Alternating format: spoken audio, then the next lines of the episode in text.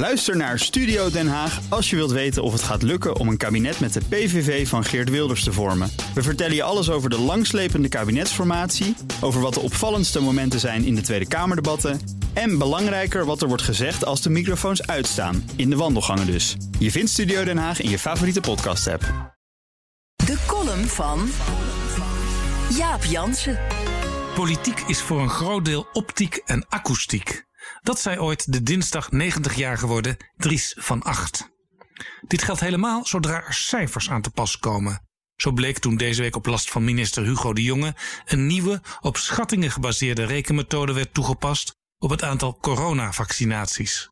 Er waren er opeens 100.000 meer, al bleek even later 18.000 dubbel geteld. In Buitenhof vroeg Twan Huis aan Thierry Baudet waarom hij in zijn verkiezingsprogramma beweert dat de jaarlijkse kosten van asiel en migratie 19 miljard euro zijn, terwijl op zijn partijwebsite 14 miljard staat. De lijsttrekker had geen idee. Bij op één vroeg Sven Kokkelman aan Lilian Marijnissen of de kosten van de overgang naar het door de SP zo vurig gewenste Nationaal Zorgfonds niet erg hoog zijn, 33 miljard. Volgens Marijnissen is dat geen financiële kwestie, maar een juridische.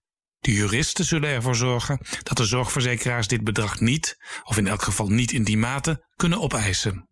Op weg naar 17 maart beloven partijen ons van alles en ze koppelen er cijfers aan.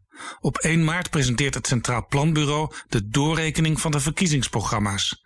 Partijen die dat willen, kunnen hun wensen voor de komende vier jaar financieel en op hun effecten laten toetsen. Dat is mooi, dan valt er wat te vergelijken. Stevast zie je dan wel altijd een aantal merkwaardige uitkomsten. Zo blijkt de Partij van de Arbeid meestal minder goed in het creëren van arbeid dan de VVD. Want het rekenmodel ziet sociale zekerheid vooral als kosten. En hoe minder personeel kost, hoe meer banen. Als partijen extra investeren in onderwijs, is dat ongetwijfeld goed voor de toekomst van ons land. Maar het CPB kan het niet becijferen. Nederland is waarschijnlijk het enige land ter wereld waar de politiek bij datzelfde CPB koopkrachtplaatjes bestelt. Daarin wordt tot achter de komma uitgerekend hoeveel procent elke bevolkingsgroep erop vooruit gaat. Schijnzekerheid waarop een kabinetsformatie kan vastlopen. De politiek wil altijd precies weten wat iets kost en wat de effecten zijn. Dat kan helemaal niet. Het is politieke pretentie. Geen gezin of ondernemer plant op deze manier vier jaar vooruit. Dit maakbaarheidsdenken blijkt steeds opnieuw illusiepolitiek.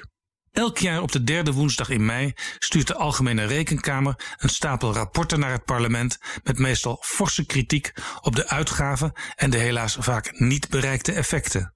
Gehaktdag noemen ze dat. Interessante kost, niemand luistert.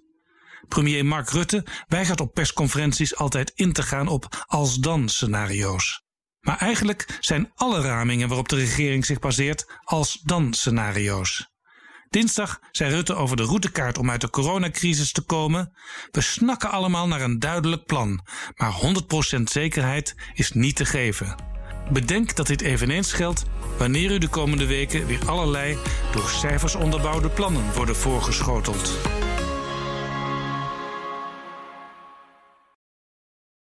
Ook Diana Matroos vind je in de BNR-app. Ja, inderdaad. Je kunt live naar mij luisteren tijdens de Big Five.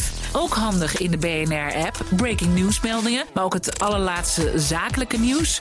En je vindt in de app alle BNR-podcasts, waaronder Wetenschap Vandaag. Download nu de gratis BNR-app en blijf scherp.